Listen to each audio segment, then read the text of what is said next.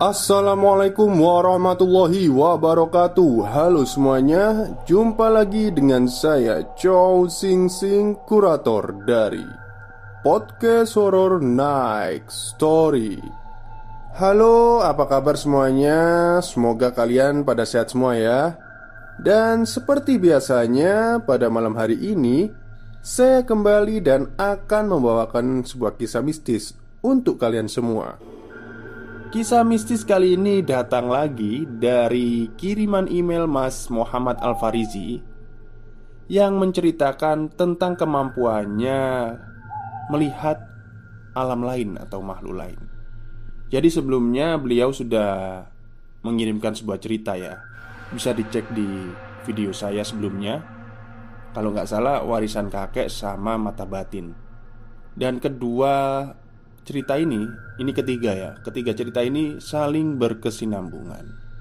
Oke, daripada kita berlama-lama Mari kita simak ceritanya.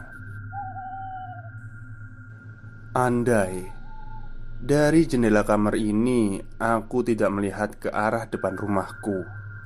Tentu saja Pagi yang mendung tidak akan membuatku limbung. Di sana ada ibu-ibu yang sedang berbelanja sayur. Namun, di sekitar lapak dagangan sayur terlihat kuntilanak yang sedang merayap dan mengelilingi kendaraan tukang sayur.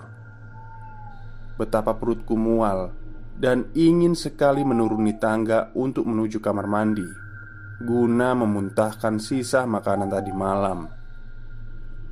Cukup lama aku memperhatikan kuntilanak itu Pikiran ini seperti terhipnotis ketika makhluk yang merayap dan berambut panjang itu mengarahkan pandangannya kepadaku.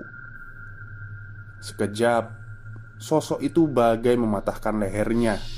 Pandangannya tepat mengarah ke kedua bola mata ini. Matanya kosong melompong, tengkorak di bundaran matanya terlihat hitam. Aku sempat tidak mampu mengucapkan sepatah kata pun. Perasaan pun tidak dapat berbuat apa-apa. Leher kuntilanak itu panjangnya satu meter, tidak merunduk menyentuh tanah atau tegak menjulang ke atas. Leher kepalanya lebih lentur dari manusia. Kuntilanak itu seperti mengetahui ketakutanku setelah memandang kedua bola mata ini. Sosok berpakaian putih lusuh itu seperti memainkan nurani ini.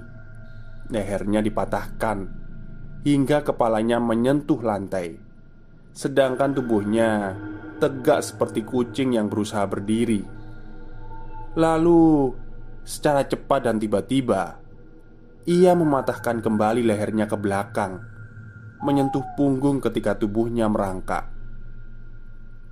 Aku masih diam terduduk di atas kasur Yang letaknya persis di sebelah jendela. Syaraf-syarafku seperti tidak berfungsi. Aku tidak merasakan apa pun pada tubuh ini. Hanya indera penglihatan yang berfungsi. Indera penglihatan untuk sesuatu yang benar-benar ada di sekitarku. Dan di sekitar ibu-ibu kompleks yang sedang membeli sayur Kuntilanak itu merangkak mengelilingi kendaraan tukang sayur. Aku melihat si tukang sayur melemparkan sesuatu yang ukurannya kecil ke tanah. Kuntilanak itu menjilat-jilat dan melemparkannya lagi ke tukang sayur. Pertama melihat ke arah lapak tukang sayur itu, hanya ada dua orang ibu yang membeli. Tapi setelah kuntilanak menjilat sesuatu yang dilemparkan oleh tukang sayur tersebut, makhluk gaib itu langsung mengelilingi kendaraan atau lapak sayur. Tak lama dari itu, langsung datanglah lima ibu. Mereka langsung memilih-milih sayur di keranjang kendaraan. Padahal si tukang sayur tidak sama sekali memanggil-manggil calon pembelinya, apalagi berteriak. Sungguh tidak dia lakukan Aku melihat si kuntilanak masih mengelilingi kendaraan tukang sayur. Dia berkeliling di belakang ibu-ibu yang sedang memilah-milah sayur.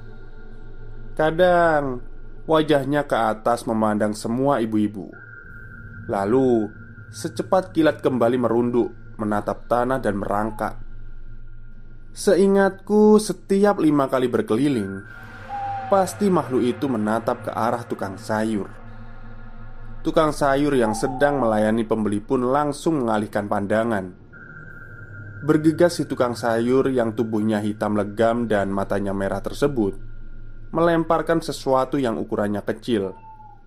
Dan setelah itu Kuntilanak itu langsung melompat dan menjilat-jilat sesuatu itu. Lidahnya sangat panjang hingga jarak satu meter. Bukan masalah bagi kuntilanak untuk menjilat tanpa merangkak ataupun melayang Aku masih terdiam Menyaksikan keganjilan nyata di depan rumahku. Setelah menjilat sesuatu itu Kuntilanak yang kakinya terbalik dan kukunya panjang serta berwarna hitam Kembali mengelilingi lapak kendaraan tukang sayur. Sekejap aku tersadar. Kuntilanak itu menatap kembali ke arah jendela kamarku. Tatapannya tetap mengarah ke mataku. Aku langsung meringkuk dan tidak lupa menutup seluruh tubuh menggunakan selimut. Alhamdulillah, lidah dan pikiranku sudah tidak lagi kaku. Aku bisa melafatkan ayat-ayat suci Al-Quran, meski tubuh ini masih bergetar. Sekitar 15 menit aku berdoa dan sembunyi di dalam selimut. Detik itu juga aku menghentikan doa. Aku ingin turun untuk mandi. Namun, belum sempat selimut ini tersingkap dari seluruh tubuh. Jendelaku Ada yang mengetuk-ngetuk. Ketukannya cepat Hingga aku tak mampu menghitung. Sayangnya Mata ini tidak lagi tertutup selimut Sehingga Nampaklah wajah hitam Tak bermata kuntilanak tersebut Menempel di jendela kaca kamarku yang berada di lantai dua lagi-lagi, aku hanya terdiam.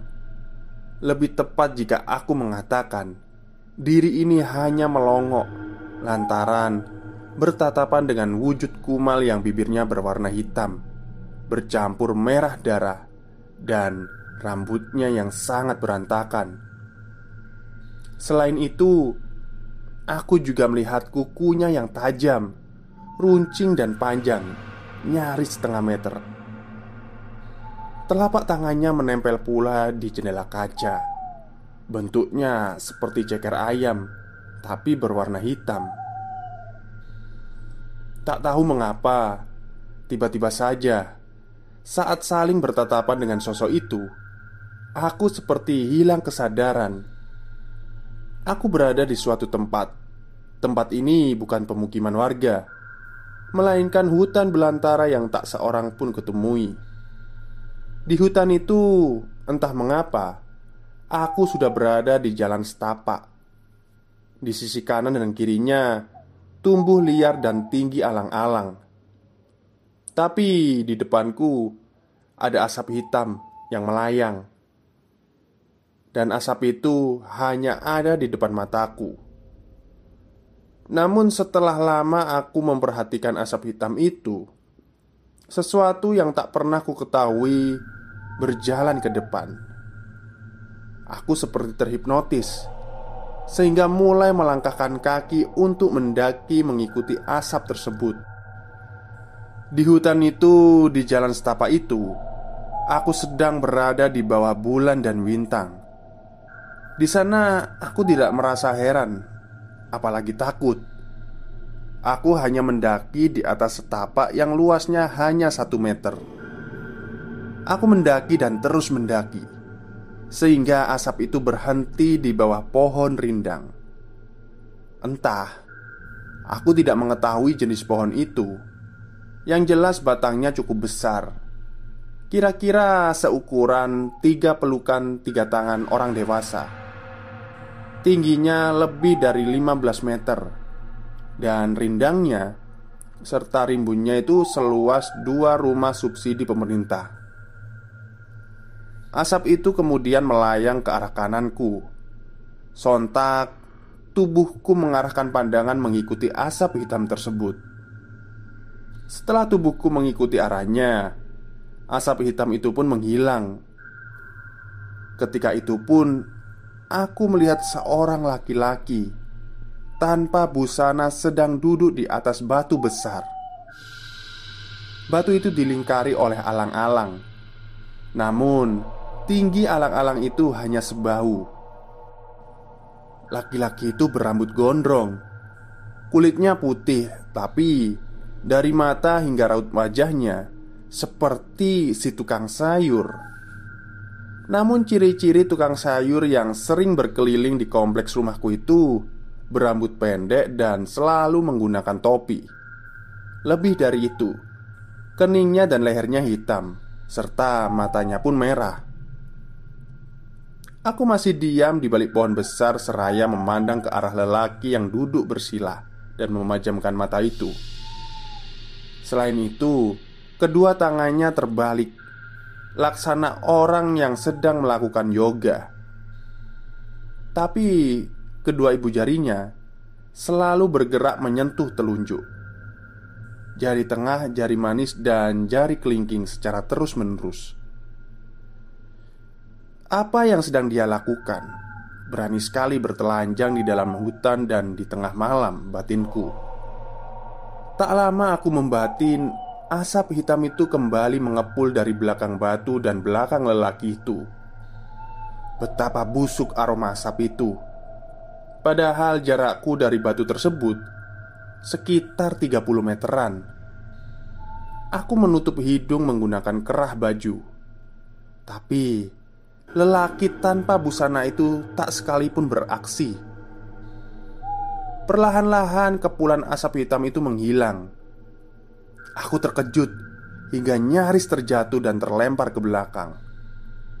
Aku menyaksikan ada kuntilanak yang merangkak, lalu menjilati tubuh telanjang laki-laki tersebut. Bahkan, mohon maaf, meniduri lelaki berkulit putih itu. Namun seketika itu aku mulai tersadar Dan aku kembali ke dalam kamar. Di depan jendelaku Masih terpampang jelas Kuntilanak itu sedang mengangah Dan menempelkan tangannya serta wajahnya ke kaca. Sekejap Kuntilanak tersebut seperti terjatuh Dan Seketika itu pula Aku tersadar dan beristighfar. Ada apa ini batinku? Seraya menyingkap selimut yang masih menutupi kaki dan menggeser guling Serta bantal yang menghalangi langkahku. Aku melangkahkan kaki menuju jendela. Aku memandang transaksi jual beli pada lapak sayur yang berada tepat di depanku.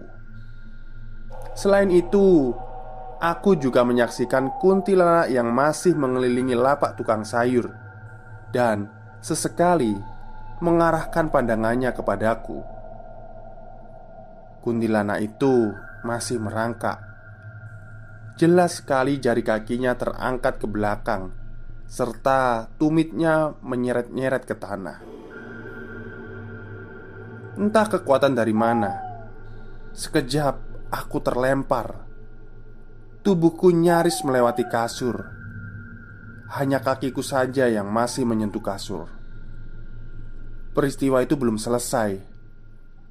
Sekejap saja aku kembali melihat kuntilanak itu mengangah dan merangkak di kaca jendelaku. Dia berhenti di sana, dan yang membuatku tak mampu berdiri, apalagi berlari, adalah wajahnya kembali dipatahkan ke belakang hingga menyentuh punggung, dan secepat kilat mengembalikannya ke depan hingga tertempel di kaca. Lebih dari itu, dia mematahkan lehernya ke bawah hingga menyentuh dada, kemudian mengembalikannya ke depan dan mengarahkan kedua matanya yang bolong pada wajah ini. Ah, mungkinkah dia meminta sesuatu dariku? Atau justru dia ingin menyampaikan sesuatu padaku Pikirku Lagi-lagi dia menghilang ketika aku berhasil mengedipkan mata. Tubuhku kembali bisa digerakkan. Aku melangkah kembali ke jendela untuk menutup gorden. Tapi belum sempat tangan ini menutup gorden. Tiba-tiba wajah kuntilanak itu muncul kembali di depan wajahku. Kok seperti muter-muter ya ceritanya? Oke, lanjut. Mulutnya bergerak-gerak seperti mengatakan sesuatu. Namun, lidahnya tetap seperti seekor binatang yang selalu meneteskan air liur. Tenangkan perasaanmu dan ingatlah kepada Allah. Tiba-tiba saja kata-kata itu terngiang dan "Yur, sayur." Suara lantang si pemilik makhluk itu terdengar di telingaku. Alhamdulillah, kuntilanak berbaju lusuh itu menghilang dan aku pun mampu berdiri serta melangkah. Bergegas aku membuka pintu untuk menuju kamar mandi Sebelum mandi Aku lebih dahulu berwudu Dan aku pun kembali ke kamar Dan Alhamdulillah Tidak ada gangguan lagi Kemudian aku membuka buku untuk mengerjakan sesuatu Dan mencatat kejadian hari ini Oke, baik. Terima kasih kepada Mas Alfarizi yang sudah mengirimkan kisah mistisnya kepada podcast Horror Next Story. Dan ini kelanjutan ya, trilogi lah ya, dari warisan kakek, terus mata batin yang terakhir ini ya, kemungkinan terakhir ini. Dan terima kasih kembali kepada seluruh subscriber podcast Horror Next Story jadi saya ini tadi Saya terasa ini kayaknya memang banyak kalimat yang diulang-ulang dari tulisannya Mas Alfaris ini. Ya mohon maaf saya juga belum sempat untuk mempersunting Jadi saya langsung membacakan. Tapi semoga para pendengar mengerti apa yang saya ceritakan. Oke mungkin itu saja pada malam hari ini. Kurang lebihnya, saya mohon maaf. Selamat malam dan selamat beristirahat.